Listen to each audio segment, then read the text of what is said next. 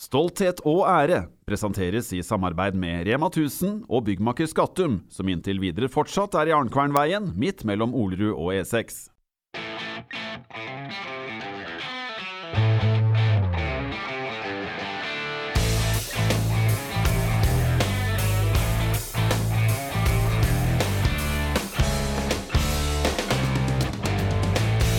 Velkommen, velkommen tilbake. Det er 16. mai.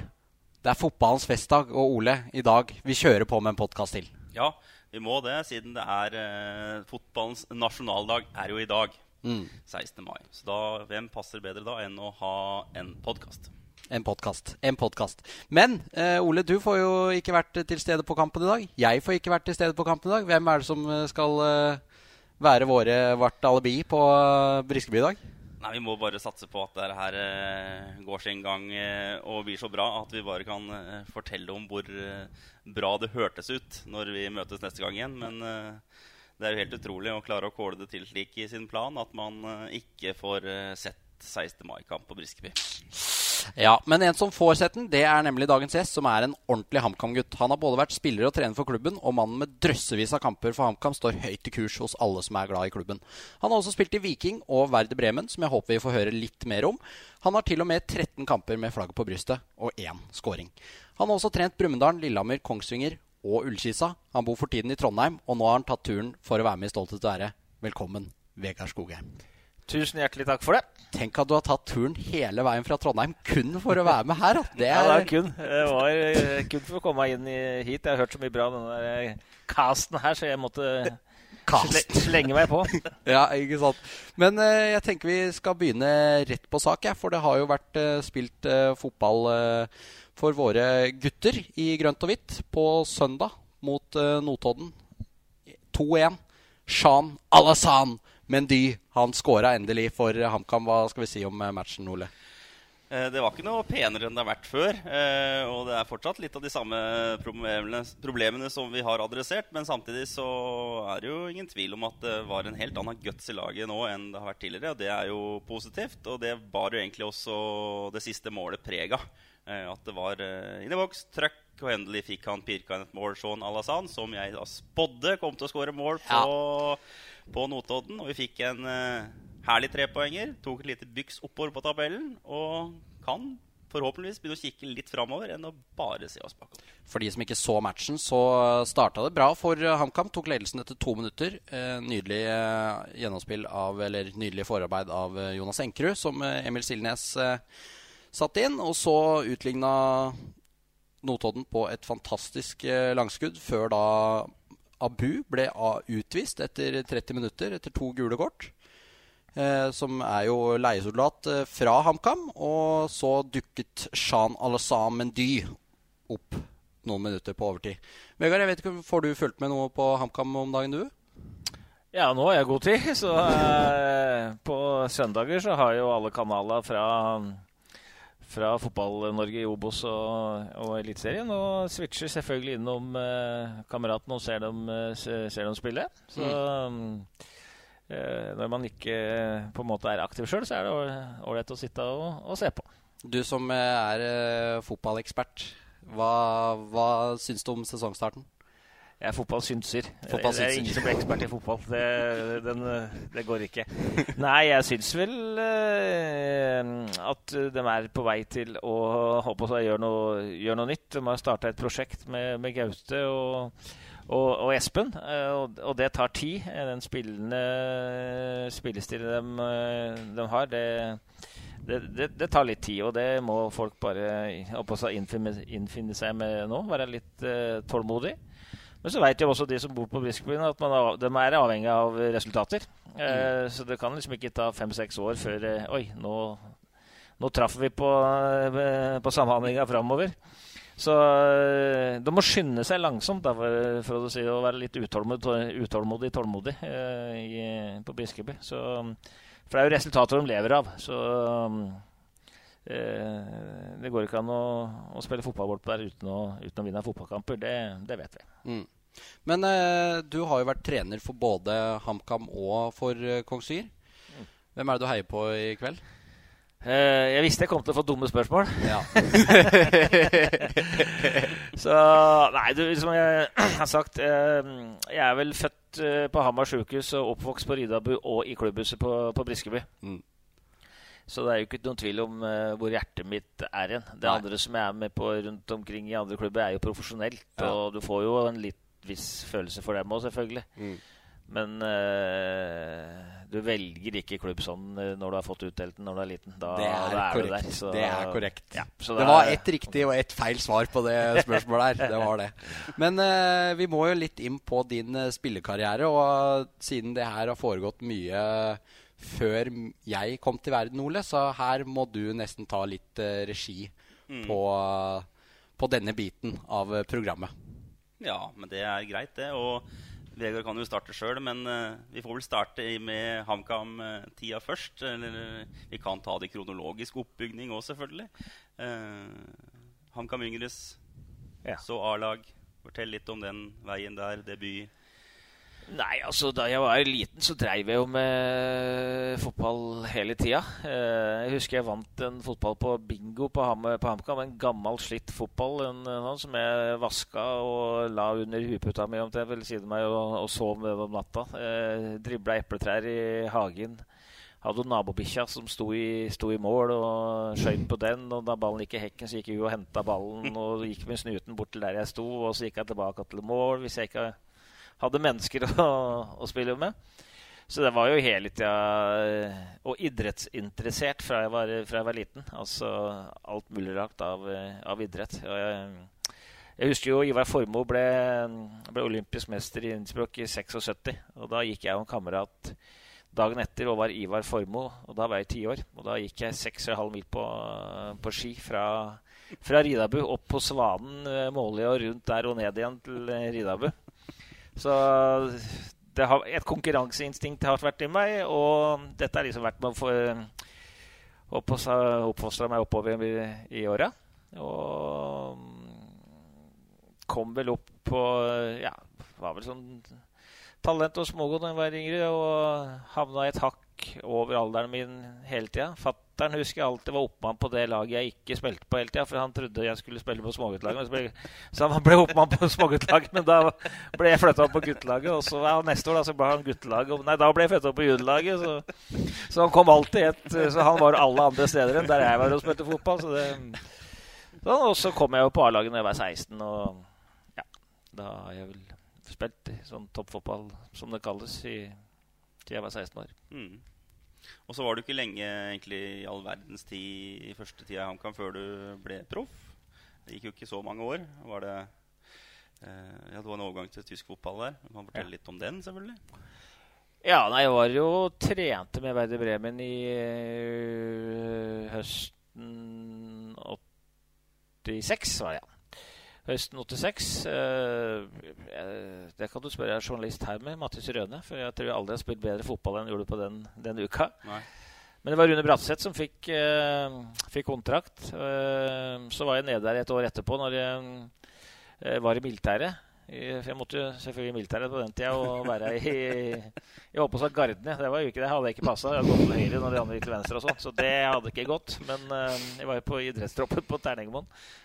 Og um, trente med Bremen ei uke, og da fikk jeg kontrakt. Så, var, så jeg gikk rett fra militæret førstegangstjeneste til uh, å spille for uh, Eller spille for Werder Bremen er jo helt uh, Sitt på benken for Werder Bremen, heter det.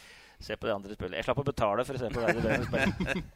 ja, men det, er, det, var jo viktig å påpeke det til uh, de som følger med, at Werder Bremen var ikke noe småklubb på den tida her. Det var vel strengt talt Tysklands beste lag. De ble vel seriemester da i 88. og du kom jo til et uh, Det er jo ikke akkurat så mange som i dag tar overgangen fra, fra Eliteserien og direkte til, uh, til Dortmund eller, eller Bayern München, for den saks skyld. Jeg tok jo steget fra Alvdal det, og til uh, Verdenspremien. Vi spilte i andredivisjon, vi i Norge da. Så, det, så det, det, var, det, var, ikke Rosenborg og de der lagene der jeg spilte bort. skjønner du. Så da, var vi, vi hadde rykka ned i 87, og så spilte vi mot Alvdal og Tynset og de lagene der. Og så ja, håper jeg Tre dager etter militæret så var vi i supercup mot Eintracht Frankfurt nede i, nede i Frankfurt.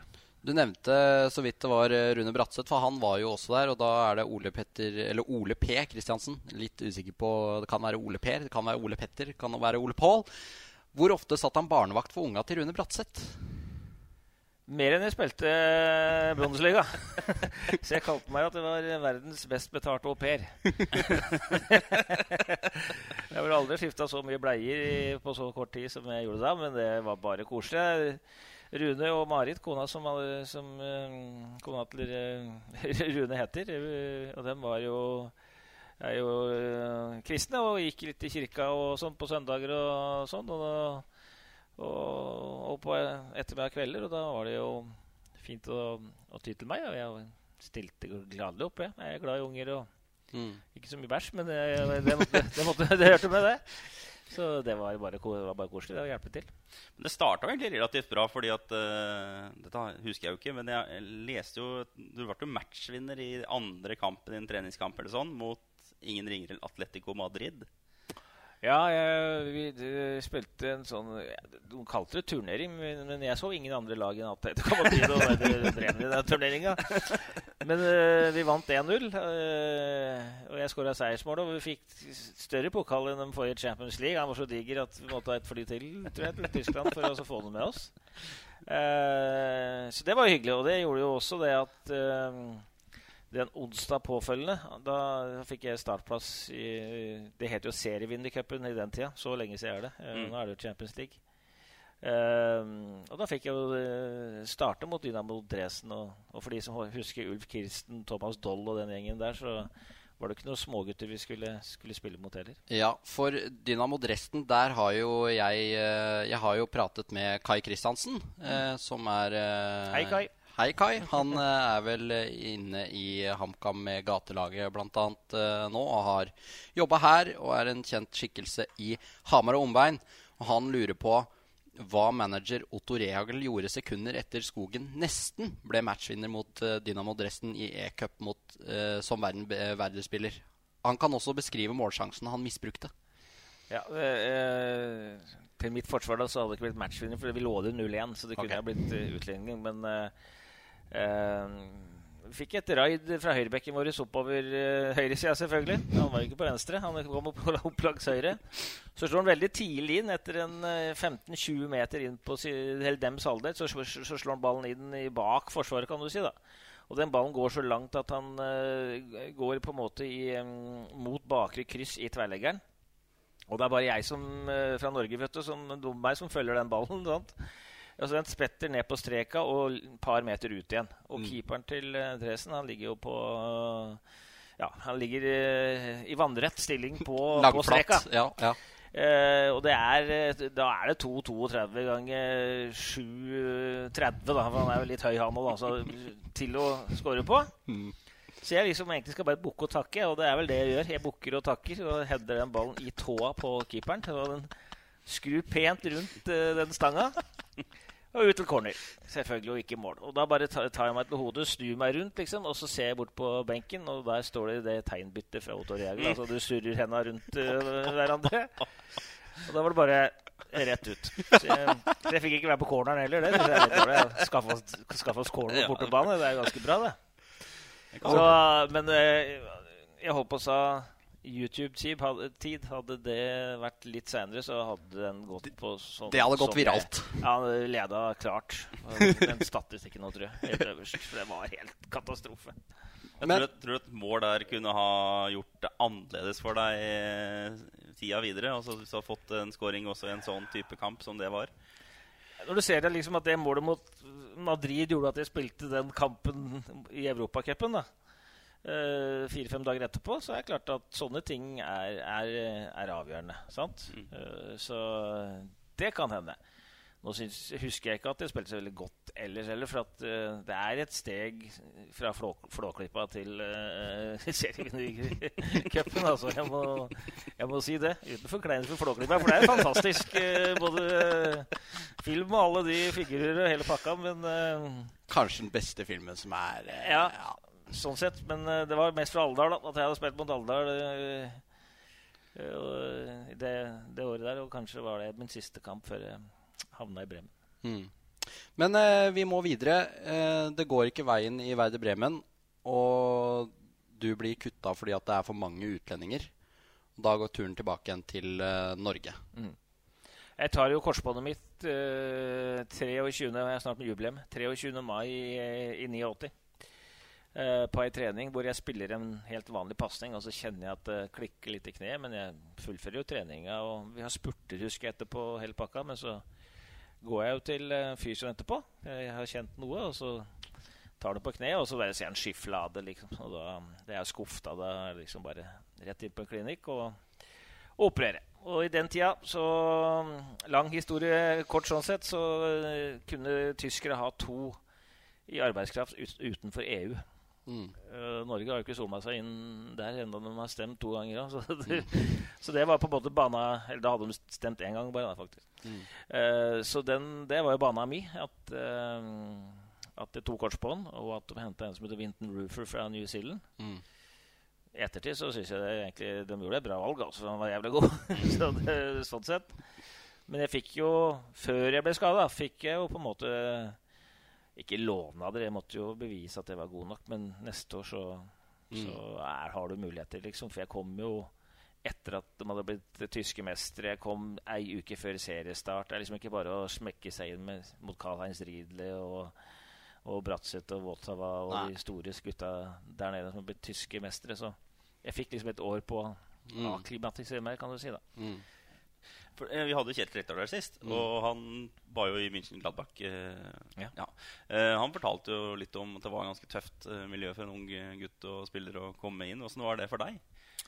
Nei, jeg, har ikke, jeg, har ikke, jeg er mulig jeg er naiv og lokker ut alt som har med omgivelser å sånn, sånn sett, men eh, Bremen var en fantastisk klubb. Ja. Det var en familieklubb. Du hadde en trener som heter Otto Reagel, som eh, blant annet da, inviterte hele troppen og familier og hele pakka til 50-årslaget sitt. Uh, liksom, det er bare Der viser du at han tenker miljø og de, de folka du, du trener, da. Mm. Og jeg tror jo også det er de som blir de beste trenere. da Mm. som, som tenker slik. Som skjønner at det er et menneske de trener, og ikke fotballspillerroboter uh, utpå der. Så um, jeg hadde det bare bra i Bremen. Og så var det vel sikkert ingen fare for noen av dem at det tok plassen dem. Så da, var da ble jeg budt i bursdag hele tida. Men eh, etter Bremen-tida så går jo ferden videre da tilbake igjen til eh, HamKam. Eh, der det blir, eh, som jeg ser her, bl.a. to opprykk. Både fra andredivisjon og til førstedivisjon og til Tippeligaen. Ja. Eh, hvordan eh, Og så går turen videre til uh, Viking. Mm. Hvorfor, hvorfor dro du dit? Nei, jeg følte vel Da var jeg jo 30 år, så da følte jeg på en måte at uh, Altså, jeg har jo alltid vært en, uh, en, følelse for klubb. Altså, HamKam har vært klubben siden jeg var liten. Altså, Det blir en liksom, spesiell historie det jeg har hatt i HamKam. Jeg kom liksom ikke fra, til HamKam fra Storhamar eller Ottestad eller sånt når jeg var 12-13-14. Mm. Jeg er liksom født og oppvokst i jorda der. eh, Så at var med kakken rundt, eh, var banemann på sommeren, satt på elvekaffen da jeg var 11-12 år og snakka med de store gutta og, og Mm. fikk store, store øyer. Pål Jacobsen min var mitt uh, store forbilde. Sant? Mm. Nå har han jo forbilder fra å England og Argentina og gud vet hvor de ikke har forbildene sine. Men jeg hadde den liksom her. Jeg kunne se han hver dag. Det Ja. var, det var det, det, helt Og der, også, og der også har jo Kai eh, lurt på ditt forhold til uh, Pål Jacobsen, og hvordan det påvirka Skogens skolearbeid på barneskolen. Jeg syns det påvirka meg bra, men ikke lærerinna syns at det var så veldig bra. Nei, For det hadde jo nemlig det at uh, Jeg skrev jo bare om HamKam og Pål Jacobsen i alle stiler. Så det ble jo frøken Jenny Hedemann Larsen uh, litt lei av. Hun syntes jo det var fint i starten, hun òg, at jeg skrev litt om det som var interessen. Men uh, Pål Jacobsen og HamKam det kom hele tida. Så da fikk jeg jo beskjed, da. At uh, neste stil det skulle handle om en naturopplevelse. Mm. Og det er jo ja, plukke blåbær i et eller annet sånt da, sikkert. Da. Men det ender jo i denne stilen med at Pål Jacobsen kommer og plukker blåbær. det er klart jeg må ha med han. Så det, det er ikke, ingen stil uten Pål Jacobsen, nei. Så Så Det var en på Twitter i går også som sa 'Hvem er de beste brødra i verden?' For han snakka om Koman og brødre og sånn. Ja, da titta jeg tilbake at det er jo Pål og Tom Jacobsen. Det, Ingen tvil. Nei, for meg er det ikke noe, det ikke noe tvil. Jeg Ingen tvil. Men eh, du var i Viking. Tok eh, bronse som kaptein. Hvordan eh, var den eh, tida? Ja, så tenker jeg etterpå. Når du står midt oppi ting sant? Du er eh, oppå seg hele Hvis man skal kalle det karriere, og du står midt oppi ting, så tenker du ikke så veldig over det. Det er på en måte Det høres dette litt klysete men det er litt, litt normalt. Da. Det er min hverdag. Sant? Det, er, det, er, det, er, kanskje litt annerledes for dem som står utenfra og ser inn og syns at dette er så glorifisert og, og, fint. Jeg føler at jeg alltid har hatt liksom beina på bakken, og at dette er noe jeg er privilegert som har fått lov til å, til å drive med. Mm. Uh, så at jeg var kaptein der og tok bronse der, det ble jo ikke større enn at sønnen min ble født på samme dag. Og sønnen min uh, den 20. oktober i 96. Så uh, jeg har jo Hei, Joakim. Ja, hei, Joakim. så det er klart Hvis du setter ting i perspektiv, så er det jo sønnen min på Stavanger sjukehus som er viktigst enn mm. en det. Og jeg har jo spilt fotball ikke først og fremst for å vinne så veldig mye, kanskje dessverre, men det er jo å spille fotball for jeg syns det er gøy. Mm. For jeg syns det gir meg energi, og jeg syns det, det, gir meg et samhold, og det gir meg kamerater og, og, sånne ting. Og når du gir deg med fotball, hva er det du savner? Jo, det er mm. garderoben. Mm. stygge, fæle, svette garderoben. Og hvorfor det? Jo, det sitter mennesker der som betyr noe for deg. Mm. Og til, selvfølgelig så betyr jo en seier og det, det å vinne noe og cupfinalen Ja, jeg skulle jo selvfølgelig ha opplevd det. og Ikke misforstå, jeg vil jo vinne fotballkamper. Men alt det rundt deg fram til å vinne de fotballkampene, det har jo betydd like mye, eller kanskje mer for meg, enn holdt på å si det at uh, nå, må du, nå, må du, vinne. For da tror jeg det fører med seg så mye annet det, da. føler jeg. Ja, og Det kan ta litt tilbake igjen til den tida du hadde før du gikk til Viking. Da, mellom Veidebrønn og Viking. Det er jo på en måte som var før de vi, som har vært et gjennomgående tema i de programmene her så langt, har jo vært den der berømte Når Ståle trente laget. Men ja. dette er jo da HamKam Når Ståle og du spilte der, som egentlig var den foregående på da, fra tre, da vi var i Eliteserien fra 93 til 95. Ja, 92, 93, 94, ja, 95. Riktig. Um, er det den epoken du kanskje husker best? Er det de du holder ja, Det er jo mange kompiser av deg nå, vet jeg, mm. som du har spilt der. Er det, det, du, på en måte, er det de beste åra sånn fotballmessig for deg? Den, den tida med HamKam i, de, i Eliteserien, de årene der? Ja, der og da jeg kom opp, tror jeg, 83, 84, 85, 86, 80. Ja. Eh, når jeg også var eh, ung og veide 60 kg og løp fra alle pga. kondis for at det var så lett, og, det var liksom, og hadde litt fotballferdigheter oppi, oppi det. da. Mm. Så eh, der eh, tror jeg De eh, første par åra i Viking var, var bra. Så jeg føler jo på en måte at jeg har fått jeg har, jeg har, på en måte fått det jeg har fortjent. Jeg har fått mye skader.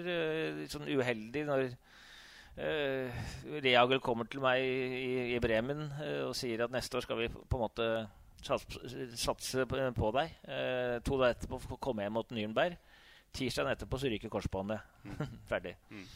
Så klarer jeg å spille, trene meg opp igjen, spille meg opp igjen. Spille meg inn i landslagstroppen igjen i, i 93, eh, når vi skal spille mot Polen på, på Ullevål. Eh, og skal kvalifisere, kvalifisere, oss til USA-VM. Og da, da blir Øyvind Leonardsen skada, så da er det min tur. Jeg, liksom, jeg, det er liksom sånn, det er tre idrettsløpere.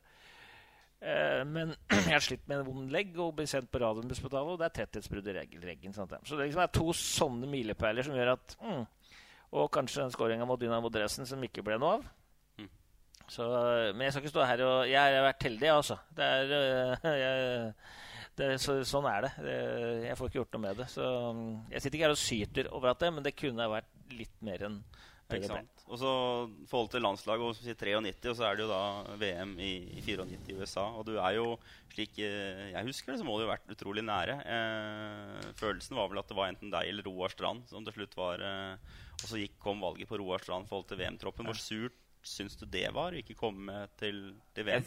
Ja, jeg tror jeg syns det var surt, men igjen, eh, igjen, så er jeg sikkert litt naiv på akkurat det. Han var klarte ikke det. Får jeg prøve å gjøre det litt bedre til, eh, til neste gang. Men uh, Drillo ringte jo meg før, uh, før uttaket. Uh, for han hadde tatt ut 16-mannstropp en uke før, og så var det seks til da, da. Mm. Og da jeg ringte han meg, men uh, da var det jo ikke mobiltelefon på den tida, så jeg var ikke hjemme. Så, eh, men da sa han på pressekonferansen husker jeg, at det var på en måte kron og mynt mellom meg og Roar Strand. Jeg har alltid hatt lyst på å høre om jeg hadde kron eller han hadde mynt. Men det har jeg ennå- ikke fått svar på. Om han så at det var mynt, og så gjorde han sånn. Og så, jeg ble kron, gitt. Ble Roar. Men eh, Kai har jo også spurt om Han kan også beskrive hvordan han opplevde å kvalifisere seg til VM med Drillos og den elleville turen gjennom Oslos gater, og hvordan supporterne reagerte da Skogen kastet slipset sitt fra spillebussen og ut i folkehavet. Ikke spillebussen, men vi sto oppe på SAS-hotellet på taket der. Uh, og så uh, Går det bra der? Ja, det er bare å ta mikken litt lenger opp. Ja, jeg- Der, ja. Sånn. Ja, litt, der, ja. det er fint. der. Uh, og det var jo hest og kjerre vet du, fra Østbanen opp til uh, opp Karl Johan. Og så SAS-hotellet lå jo på høyresida eh, baki der. Oppe ved Slottet. Eh, og det var jo helt ellevilt nede i sentrum. Men Norge var ikke ordentlig klare til, til VM. Selv om man feira at de var det. De måtte ha et resultat, men da skulle en del resultat i de andre kampene gå helt Mm. Helt mongo bort, da. Sant? Så, så det, det ble feira. Og så sto vi oppe på, oppe på eh, terrassen. Jeg tipper det var altså det var, tjåka fullt i gatene. Det nytter nesten ikke å få et frimerke dit. Eh, og det tipper det var en 7-8 meter opp til der vi sto. Og det sto en 2000-3000 i den trange gata ned der. Så skulle vi kaste slipsa våre ned og sånn, da. Mm. Sant? Så eh, uheldigvis altså, så, så kasta jeg sammen med, midt med Rune Bratseth. Mm. Så mitt dalte jo fint ut og traff bakken. Hvis det var eh, 1000 som skulle ha runde. Så at jeg kunne gå ned etterpå og hente slipset mitt. Og bruke det, det var eneste jeg som hadde slips den kvelden. For å si det sånn. Litt overdrevet på at jeg hadde slipset, men det var sikkert en som plukka det opp. Da, men eh, han veit ikke hvem sitt det er. Åh, ja. Nei, vi må videre, og vi skal høre litt fra vår eh, sponsor. Stolthet og ære presenteres i samarbeid med Rema 1000 og byggmaker Skattum, som inntil videre fortsatt er i Arnkvernveien, midt mellom Olerud og E E6. Tenk det, Ole. At uh, vi har fått sponsor uh, på, på den bånden her. Jeg ble jo glad jeg nå. Det må jo bli eh, lønnsforhøyelse med det første. Vi har fått sponsor. Ja, det er klart. Du må ta ned mikken din. Uh... Ja, ja, ja. Vi, vi, Var det den? ja, ja du må ta Sponsorlista er ikke så lang ennå.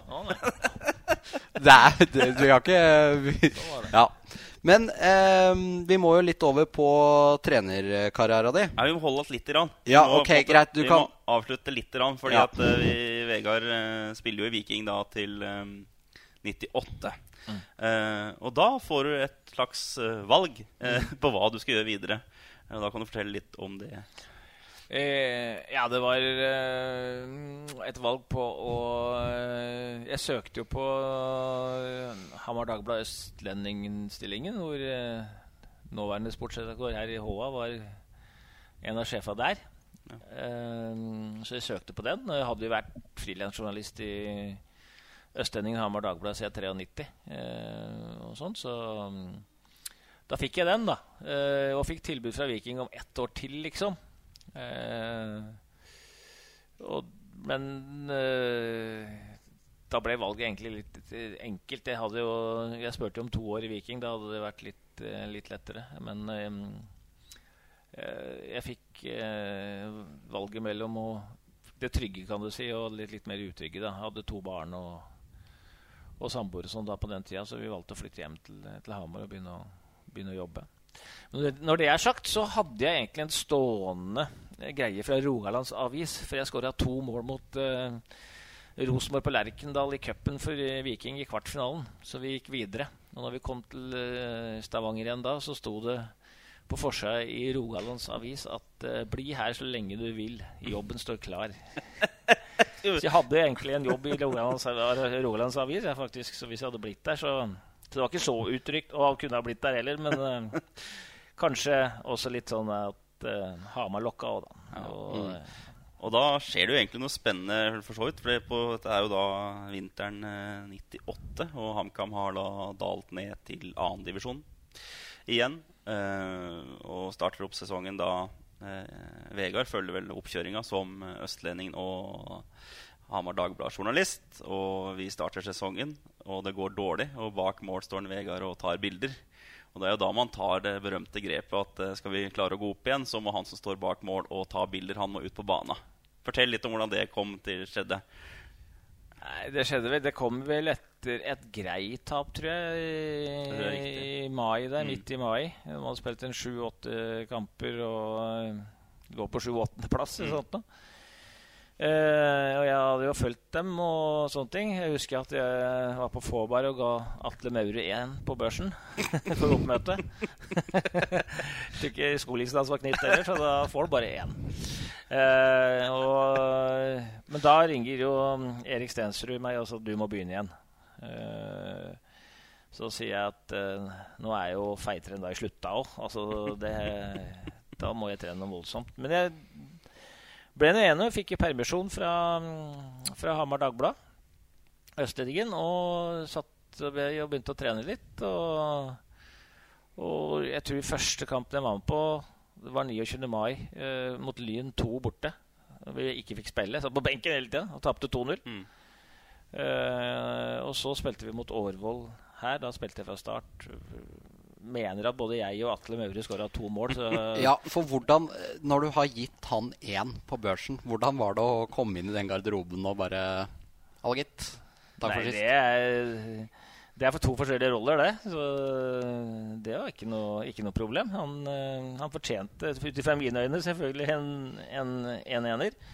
Men det er klart at du er litt farga at du er en HamKammer også, som journalist. Du Mm. sitter der, Og så blir du litt forbanna på at de ikke kan gi litt mer i, i trøya til, til grønnhvite, sånn sett. da. Så litt farga, men eh, han fikk da iallfall én. Og garderoben er noe helt annet enn det som er litt utafor garderoben. Sånn, vi på en måte er glad i hverandre, og vi har et bra miljø. Og, så det gikk, eh, det gikk veldig fint. Og Mevry begynte å score igjen da når jeg begynte å spille, så han var såre fornøyd. Ja, Det snudde jo da, på sett og vis, når du kom inn igjen. Og det var jo da de tok et byks på tabellen og endte som, som nummer én. Og, og får da Vidar i kvalik over to matcher. Mm. Eh, den berømte bortematchen på utafor din gamle hjemmearena. Ja, det trente, ja. trente jo mye der på den eh, Ja.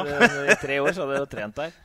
Og jeg var så glad at det var der, fordi at vi skulle jo egentlig spille mot Vidar på eh, Lassa. Lassa der, Mm. og det var jo ei gressbane. Og det hadde jo bøtta ned den helga, eh, eller i hvert fall dagen før vi skulle dit. Så Mm. det var heldigvis overvann der, så vi kunne spille på ei litt eh, tørrere kunstgressbane. da. Mm. Og der går det an å løpe litt oppå. Mm. Eh, men da Det var en tøff kamp. Vi vinner vel 3-2 til slutt, tror jeg. Vi leder jo 3-1. Da tror jeg Gjerdalen har skåra igjen, da. Og han skåra vel to, og jeg Ja. skåra ett. Stemmer det. Uh, og så ble vi redda litt av Leif Harboré i mål, som tar et straffespark. Eh, han tar ikke et straffespark, det var de andre som gjorde det. han redda et straffespark. Mm. Mm.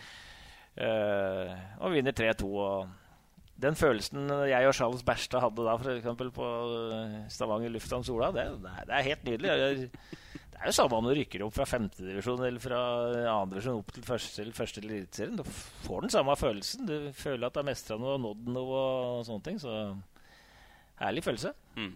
Da skal vi gå eh, videre. Og eh, vi har jo fått inn en del eh, lyttespørsmål som jeg etter hvert skal komme tilbake til. Men du blir jo da, etter du legger opp, så blir du da trener. Du trener Kongsvinger, blant annet, som møter eh, HamKam på Briskeby i dag. Hvordan var, eh, hvordan var den perioden?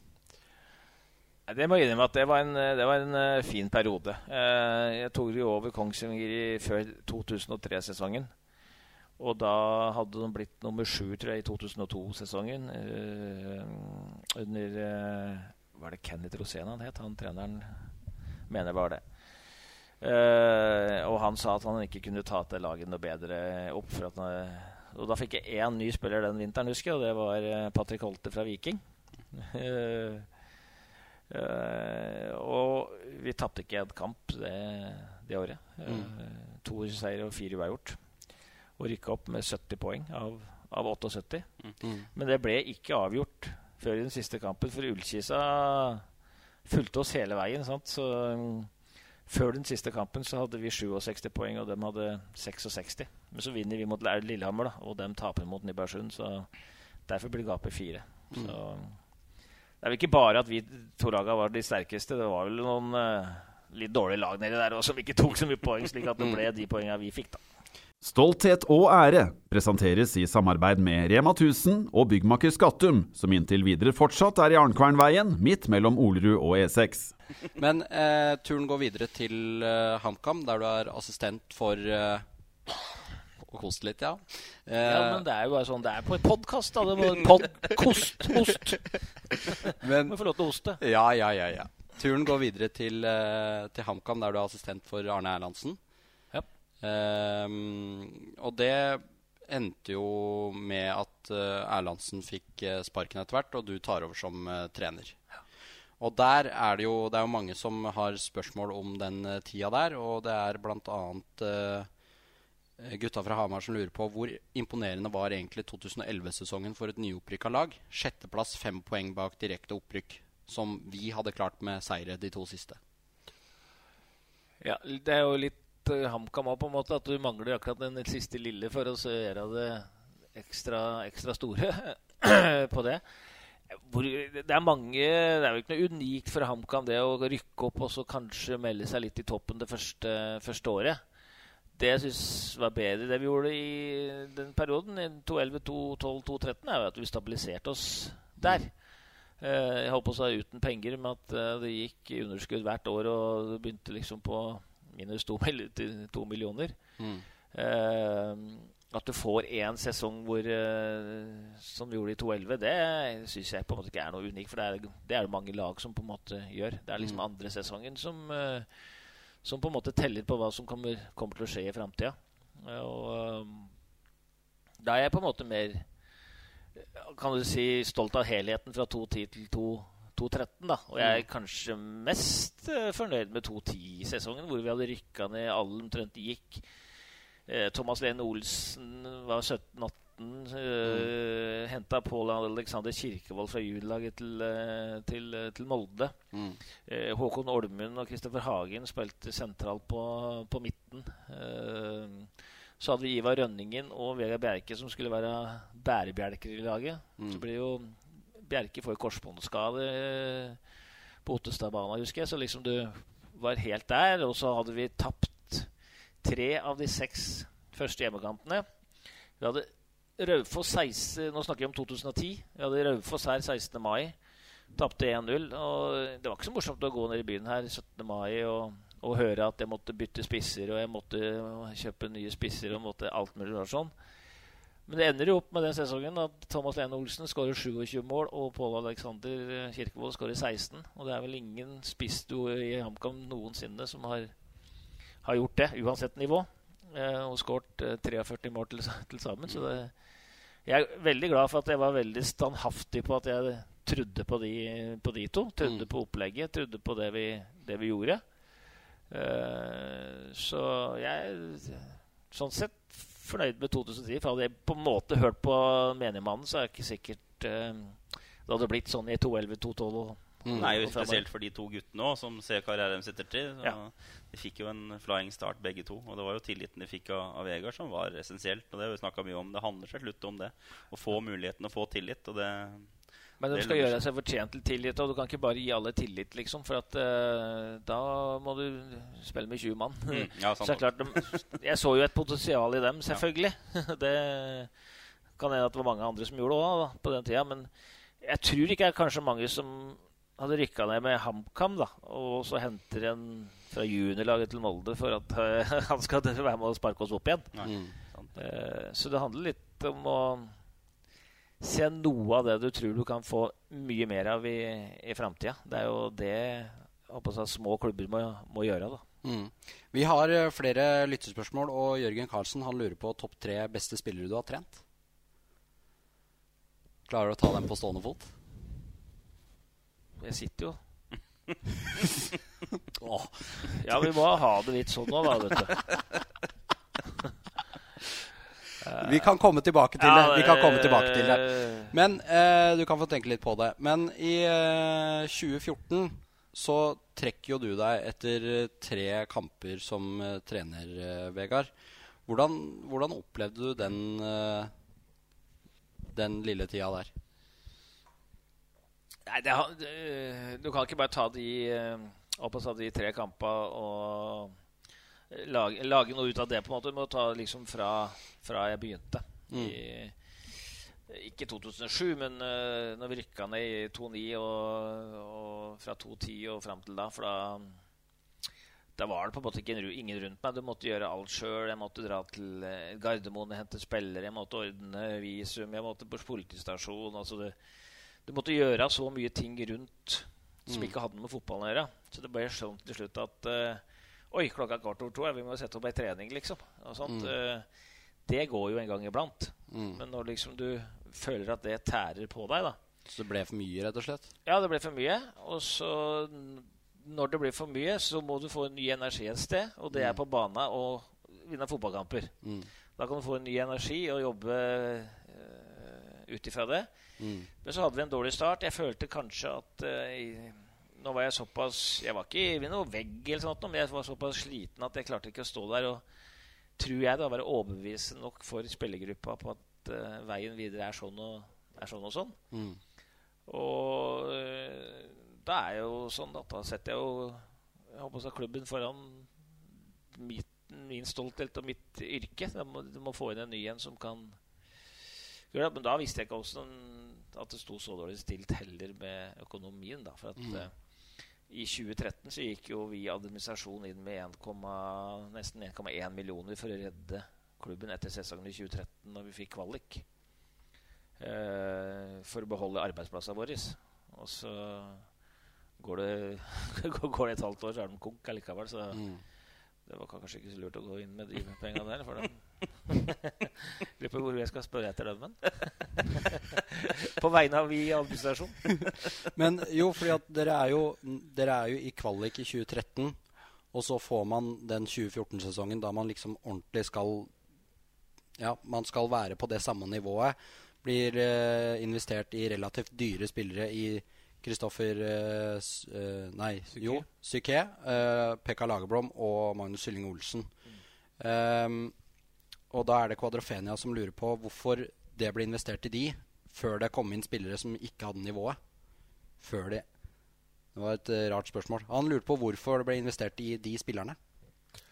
Ja, det, er det var jo for at vi hadde, hadde truppen, da, mm. selvfølgelig. Men, eh, og det hadde jeg hatt fortsatt. Men poenget er jo at uh, HamKam måtte kvitte, med, kvitte seg med dem fortere enn uh, de fikk uh, fotfeste her, på en måte. Så uh, på grunn av økonomien, da. Eh, så, men eh, jeg lærte nok litt av det at det å kanskje hente bare rutinerte spillere For det var det som var tanken. da Vi hadde en sånn ung spillertropp. Og skal vi ta ett skritt videre, så kanskje Kanskje de skal komme inn og så være noen lederstjerner. Mm. Men jeg har vel funnet etterpå at lederstjernene fins allerede der du på en måte har starta Mm. eh, starta løpet ditt. da De fins i troppen din. Du må bare la dem få lov til å utfolde, utfolde seg, for de vet på mye ja, De vet spillestil, de er liksom innarbeida, de har rytmen og hele pakka. Og så plutselig henter du kanskje to-tre andre utenfra som skal være med, og så blir det urytmisk, og så har dem sin mening, og så blir de forsterket i forhold til spillergruppa ellers. Eh, nå rakk vi ikke så mye at eh, det ble liksom smuldra bort, på en måte. Da. Eh, Men uh, uh, ja, jeg har mer tro på å trene på seg litt sånn unge upcoming man i sånne klubber. da Mm. Har du masse penger og sånn, så er det som klubb så kan du jo hente litt og kreve litt og sånne ting. Mm. Og eh, Anders Bakkerud lurer også på hvor mange spillere er det som har bodd på sofaen eh, din mens han har vært trener? Ja, vi har vel hatt noen nachspiel, da. Så, nei da. nei, mange har bodd der. Jeg vet ikke Pekka bodde jo hos meg i leilighet på Det er jo en ting, at du har en spiller som bor, bor hjemme hos deg. Mm. Eh, så kan jeg ikke huske noe mer sånn eh, langsiktig på at eh, det har bodd der. Det kan jo hende at det er en som er overnatta en natt eller sånt. Mm. da, Men eh, Pekka bodde hos deg? eh, Pekka litt- bodde hos meg en par måneder, ja. Fra, okay. oh, ja, såpass, ja. eh, på vinteren der, når han, kom. Han hadde, hadde ikke sted å bo, stakkars. Jeg må jo, måtte jo bo. Så han Mm. bodde jo gratis, da. Mm. Det. Hæ? Ålreit, det. Ja, det er jo det, men det er klart at det, det er jo ikke ideelt at du skal ha en uh, spiller uh, sånt.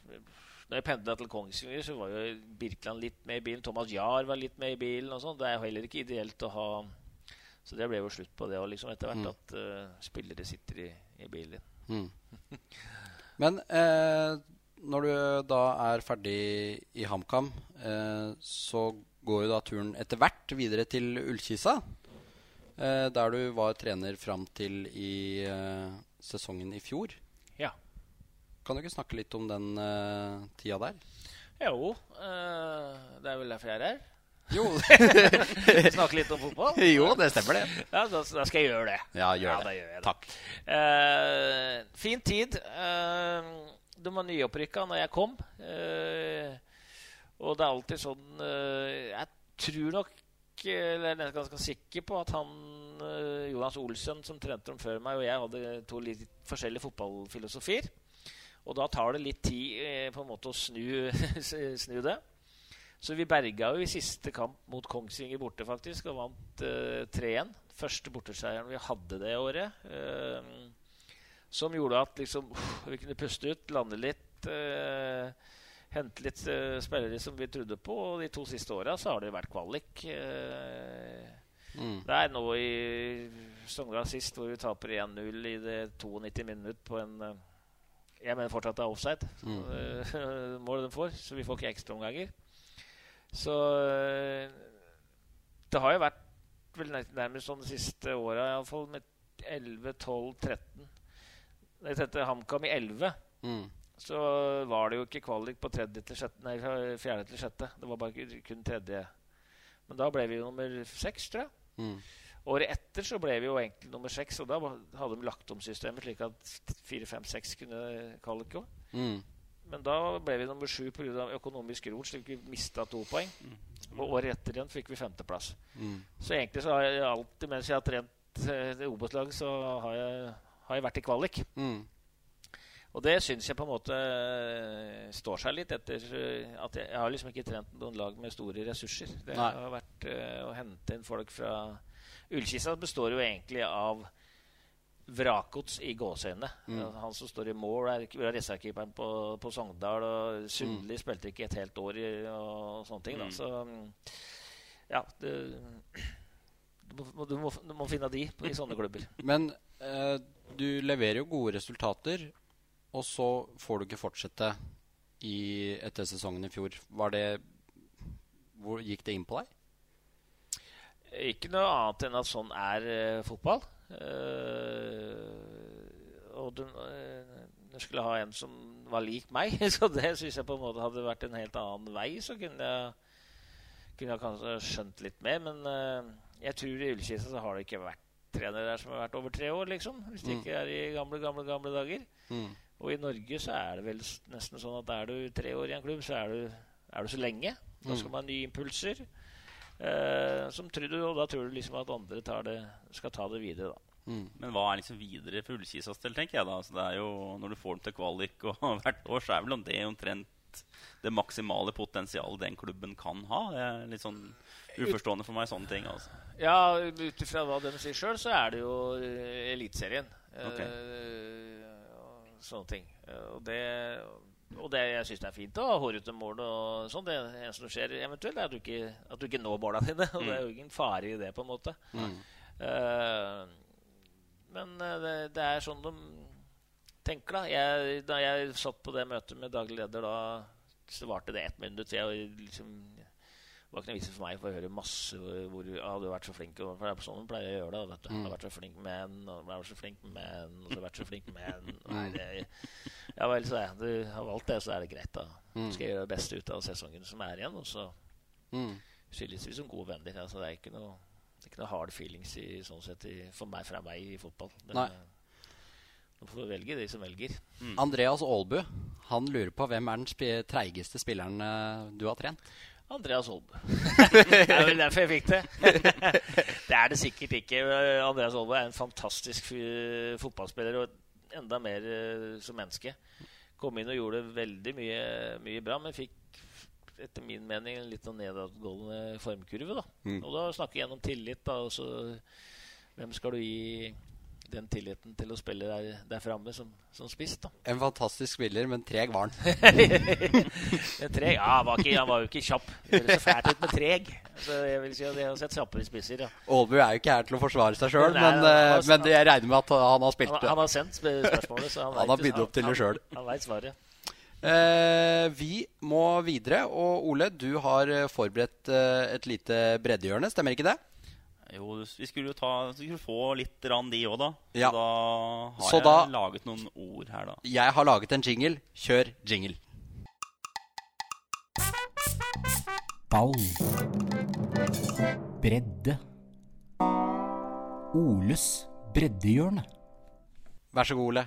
Ordet er ditt. Ja, for idet vi har kommet midtveis i mai, har vi også kommet tre-fire kamper ut i sesongen med våre lokale breddlag. I fjerde divisjon, avdeling 1, er det Løten som ikke overraskende har tatt føringen, sammen med de to lagene som kan stikke kjepper i hjulene for Jonny Hansens menn, nemlig Gran og Toten. Full pott på de tre første kampene er oppskriftsmessig for de som ifølge Kent Stenseth har blått blod i årene. Furnes, MBK Domkirkeodden og Ridabu er de tre andre lokale alibiene i avdelingen, hvor de to første har hatt en god åpning på sesongen, mens mitt kjære Ridabu har plassert seg i motsatt ende av tabellen. I forhold til Løten, altså. Det blir med andre ord ingen fare for pub publikumssvikt på Briskeby i kveld, fordi Løten og Ridabu møtes dyst på Løten stadion på samme tidspunkt. I avdeling to har fjorårets tredjevisjonslag Ottestad møtt på problemer fra start og står med fattige tre poeng foran kveldens møte med Lillehammer. Skulle det ende med tap, kan man trolig se langt etter en snarlig retur i, for, i tredje divisjon for de gule og svarte disiplene til Simen Arnesen. Et annet lag som har slitt inn stort i innledningen, er Truls Hagens Moelven, som har fått deng av både Trysil og Lillehammer før årets første poeng ble sikret etter 2-2 mot Reddaren i forrige serierunde. Truls Jevne Hagen for øvrig en av kampens målskårere. Naboen Ringsaker derimot har vært en positiv overraskelse så langt, som har imponert stort med et sterkt bortepoeng mot normalt hjemmesterke Fåberg i forrige runde. Roger Andersen Storhamar har som vanlig full kontroll i denne divisjonen, og har kommet greit i gang med fem poeng på sine tre første kamper. I femtedivisjon topper Stange etter fire kamper. Selv om gårsdagens toppoppgjør mot et forsterket Elverum 2 eh, endte med tap på overtid. Etter flere tunge sesonger i bunn av divisjonen har Stange fått tilbake profiler som Ole Marius Hansen, Christian Løvaas og Daniel Kulstad, og har med andre ord blitt en kandidat til å klatre en divisjon opp, i stedet for å kjempe for å falle en divisjon ned. Hakk i hæl følger Wang, som med sine sju poeng på sine fire første må si seg fornøyd med åpningen av sesongen.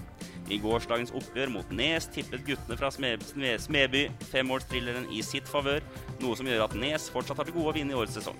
Og med det plasserte seg i bunnen med sitt ene poeng. Et ensomt poeng er også hva Heal har etter sine fire første kamper.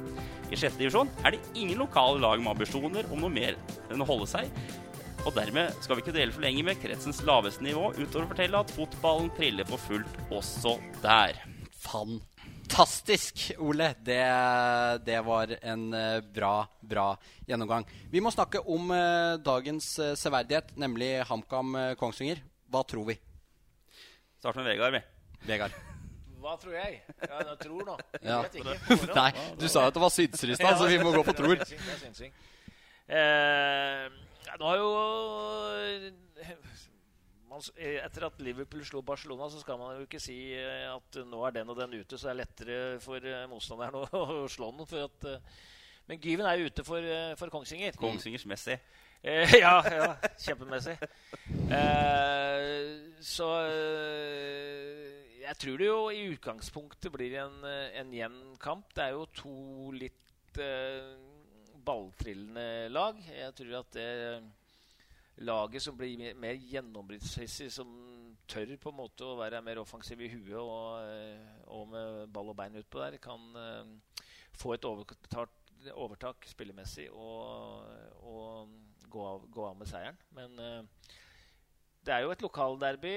Nå veit jeg ikke så hvor mye hva spillere sjøl ligger i det. For at det lokalderbyet der er jo egentlig fra gamle dager sånn når det var Hamar mot Kongsvinger. Det var Hamar-folk på, på HamKam og Kongsvinger-folk der. Men de har vel sikkert hørt litt at dette betyr noe og, og sånne ting. Og så må det ikke bety så altfor mye slik at det bare blir knokkel, på en måte. Det må bli litt eh, energi, entusiasme og, og drive i kampen, da, kan du si. Så de ikke på en måte driver og skyggebokser og tar hverandre, hverandre ut eh, taktisk. Det, det håper jeg ikke. Men eh, jeg tror nå eh, HamKam i kraft av hjemmebane eh, i kraft at han har vel alle å velge mellom nå, Gaute. Eh, mm. Og da eh, blir det seier til Alcantara. Det hadde jeg sagt uansett, så ja. Eh, det, nå har jeg i hvert fall argumentert på hvorfor det ble seier. Hva med deg, Ole? Uh, nei, jeg er enig med det Vegard sier, og så tenkte jeg at det er jo greit å ha et statistisk bilde på det. Jeg som har det som en slags jobb i tillegg til å kjøre podkaster. Så um, jeg kikka litt på det her i, i, går, og da Jeg tok siste Hva blir det? 20 33 matchene. De har spilt seg imellom. Det har jo blitt noen kamper seg imellom. Eh, men det har ofte vært sånn epokevis. Så eh, de siste, så det, sånn, det, blir et historisk langt bilde. Fordi eh, det har ofte hatt en tendens at HamKam mot Kongsvinger har spilt litt forskjellige divisjoner. Altså HamKam har vært bra når Kongsvinger har vært dårlig, og, og, motsatt. Det har ofte vært noen lange epoker uten. Men det, det historien viser oss, er at det her, dette er jo sånn typisk Derby-kamp. Så er det mange som tenker at eh, uavgjort er en sånn klassisk eh, tips her. Men, men det kan jeg fortelle at det blir det nesten aldri. Så de 33 siste spilte kampene dem imellom, så har det kun fire endt i uavgjort. Uh, og så har de fordelt seier og seier imellom med 16 til HamKam og, og 13 til Kongsvinger. Og med målforskjellen på de tre er 56-55. Så dette er jo tradisjonelt et kjempejevnt oppgjør som ender begge veier. Eh, ender med seier i en eller annen retning. Så da håper vi at uh, ender i riktig retning i kveld. noe jeg faktisk tror det kommer til å gjøre også. Mm.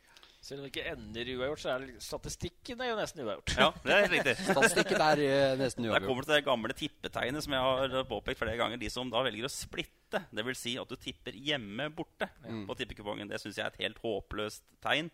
Fordi du kan si at kampen er så jevn. Det kan bli hjemme, det kan bli borte, men det blir i hvert fall ikke uavgjort. Men det kan du faktisk si om kveldens eh, kamp. Så tippetips splitt. Da blir, da blir da blir det uavgjort. Vi, eh, vi må videre, og vi skal eh, se hvem som har eh, gått på huet denne uka her, Ole Jonny. Ei ulykke kommer sjelden alene. Ja da, ja da, ja da, ja da.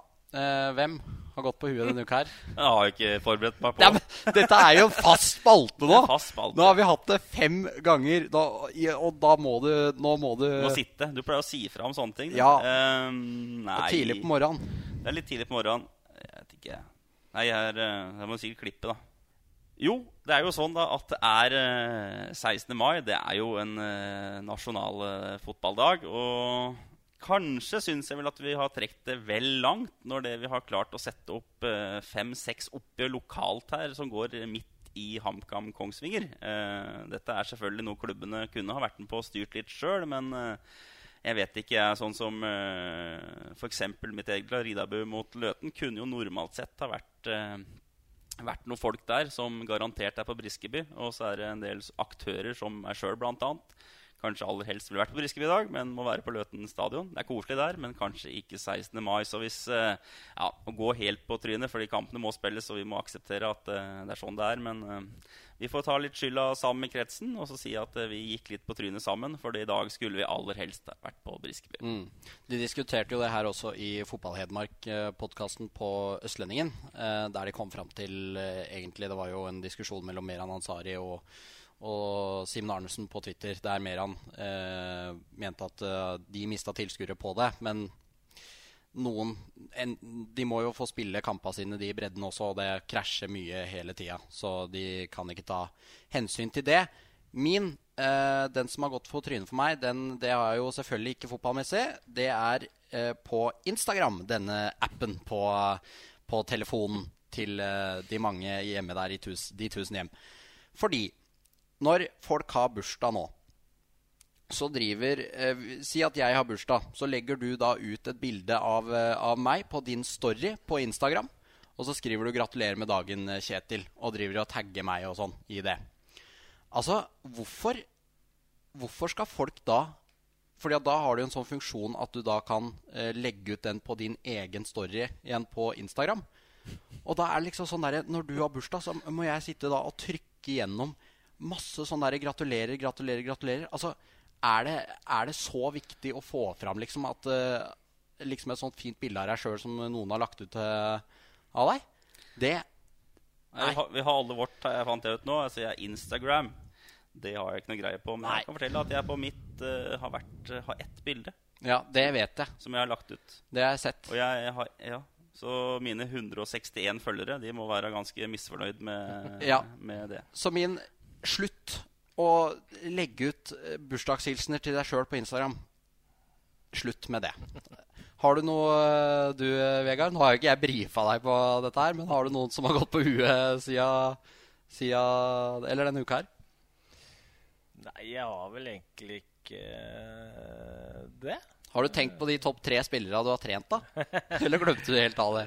Ja, altså, det er ikke så lett å ha to, to, to tanker i huet samtidig for en gutt. da, når de er med det her. Eh, jeg har jo eh, til gode å trene, være hovedtrener for et eliteserielag, da. Men eh, klart Niklas Sandberg, som jeg hadde i Ullkisa, som gikk til start og nå er i Haugesund, var jo en fantastisk eh, offensiv spiller på den tida. Jeg var jo innom og trente Jan Michaelsen litt i, i HamKam. Sånn, som merittliste så er vel kanskje han en av de, en av de store. Og, øh, og så er det de som jobber hardt. Thomas Lene Olsen har jeg sans for. øh, Kirkevold, som jobba knallhardt sånn i, i det yngre, som har kommet fram øh, i det seinere. Men du trente jo også Ante Vitajic, og vi hadde jo en diskusjon uh, når Marius Skjelbæk var her i podkasten. Hvor god var egentlig Ante Vitajic? Eh, han var god, han, men han var nok kanskje bedre for de som satt og så på, enn de som eh, spilte med ham rundt. eh, sånn sett. Han ble vel nesten mer kjent for et eh, en direkte corner i Drammen eller noe som gikk inn, eller var et eller annet eh, sånn. Og da ble han en, ble en helt. Det skal lite til for å bli helt på, på, på, Ham- på Hamar. Bare skru inn en corner, så er du, er du helt. Så, men det var en bra spiller. Herregud. Det, men jeg vet ikke om han det var den spilleren som var en, sånn en samlende spiller for, eh, for eh, de utpå der og eh, sånne ting. Han var vel mer artig å se på sånn sett. God teknikk, bra skuddfot fot Mm. og fin fyr. Så jeg skjønner godt at folk ble glad i ham. Det Nei, jeg, ble, det. jeg elska Ante Vitajic. Ja, ja. Helt vilt annet enn en spiller som var her et halvt år i en sesong faktisk rykka ned òg. Mm. Står igjen som sånn, sånn der, hvor Ja. folk vurderer sånn derre ja, tiårets lag eller best noensinne, så er han i debatten. Det er jo helt uh, Det er vilt. Så god kan han ikke ha vært. Det, han, var bra, han var en bra spiller. Uh, kanskje han hadde vært bedre i en bedre klubb sånn sett. da. Eh, fått eh, spilt på sine strenger hele, hele tida. Og hatt andre til å, til å covre han opp. eh, sånn sett. Men eh, alle vi tre som sitter her i dag, er jo fra Ridabu. Så derfor så har jeg forberedt en liten quiz til dere. Som en liten avslutning på det programmet her. Og vi begynner, Nå må jeg ha kjappe svar, og vi begynner med deg, Vegard. Jeg skal legge på noe sånn fancy musikk og sånn som jeg kuer nå, tenker jeg. Vegard, i hvilket år ble Ridabu skole grunnlagt? 1952 Feil! 1954. Ole, hva var det tidligere navnet på skolen? Åker? Kirkekretsens skole. Vegard, Vang kirke er naboen. Hvilket år ble den bygget?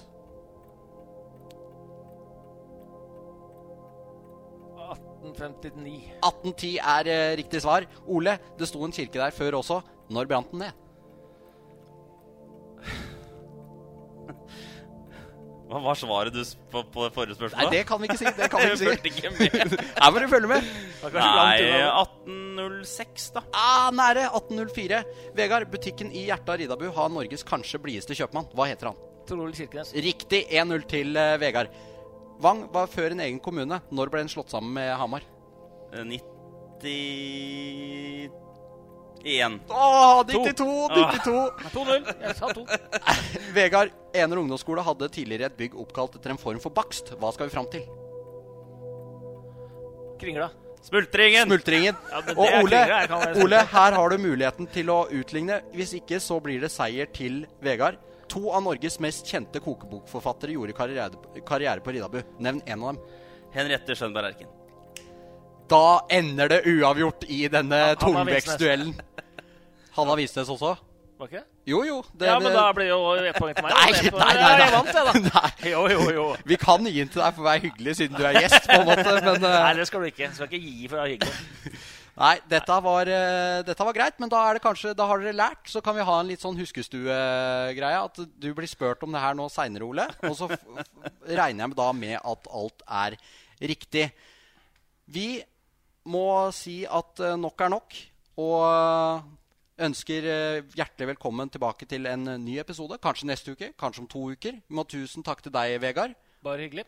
Eh, og jeg har lyst til, Vegard, at vi runder av denne episoden her med en historie fra deg. Etter at vi har ta sagt eh, takk for oss om et tannlegebesøk. Er det greit? Jeg har jo vært på mange. Ja. tannlegebesøk. Men et spesielt tannlegebesøk. Stolthet og ære, Ole. Kamma, for faen. Nei, det var jo i Bremen-tida igjen, da. Altså, jeg kom jo rett fra militæret til eh, Bremen, som sagt. Og i militæret så hadde jeg verketann som han eh, Jeg vet ikke om han var tannlege, eller han er hadde oppi på Terningmoen. For han stakk noen digre rør oppi den der uh, jeksla mi som Ja, det var skikkelig vondt. Så jeg kom jo med verkebil ned til Bremen. Men dem hadde jo tannlege, som eh, var tilknytta klubben og sånn. og Svær tannlege med masse båser bortover og sånn. og han gikk inn, bare trakk tanna, og så ser han jo at jeg har en del plomber. Og så kan ikke jeg så godt tysk og bla, bla, bla på den, så han spør iallfall om jeg vil skifte plomber. Og det tenkte jeg var bare skifte og så ta opp i noe hvite. Så ja, så er det greit. Så tar han støp av tennene mine. Så kommer jeg igjen dagen etter, og da sliper han ned fra jeksla sliper ned alle tennene mine bakover. Fra både ned og over, overkjeften. Og en par dager etterpå så kom jeg tilbake, og da smekker han på porselenstenner uh, i hele kjeften, kjeften min. Så den første regninga jeg fikk etter omtrent ei uke i Bremen, var 75 000 kroner. Men nå går jeg her med porselens Jeg er ganske rik inni kjeften, da. Så jeg kan betale med den. Så mm, det er liksom tannlegehistoria der. At jeg satt inni der, og jeg beit jo folk i fingra. For jeg kunne jo ikke ty- tysk og sånn. For noen sa 'åp kjeften', og jeg beit, og de hadde fingra i kjeften min, og det var eh, det var ikke bra, det, de greiene der. Men eh, jeg har ikke hatt høl etter, etter det, da. Så jeg er 88. Så det er jeg fornøyd, det er jeg fornøyd med. Så Nei, det var, det var en Og jeg husker at han trakk den tanna skulle kjøre hjem, så hadde han bare bomullsstått altså, i hvert lyskryss og hvert uh, kryss jeg stoppa, så måtte jeg ta ut bomullen, åpne vinduet og spytte en halv liter blod ut av vinduet før jeg var, før jeg var hjemme igjen. Sånn så ja, 22 år i Bremen, he, på en måte helt alene og ingen tenner der jeg kjørte rundt i Bremens gater. Det var suppe. Med det takker vi for oss.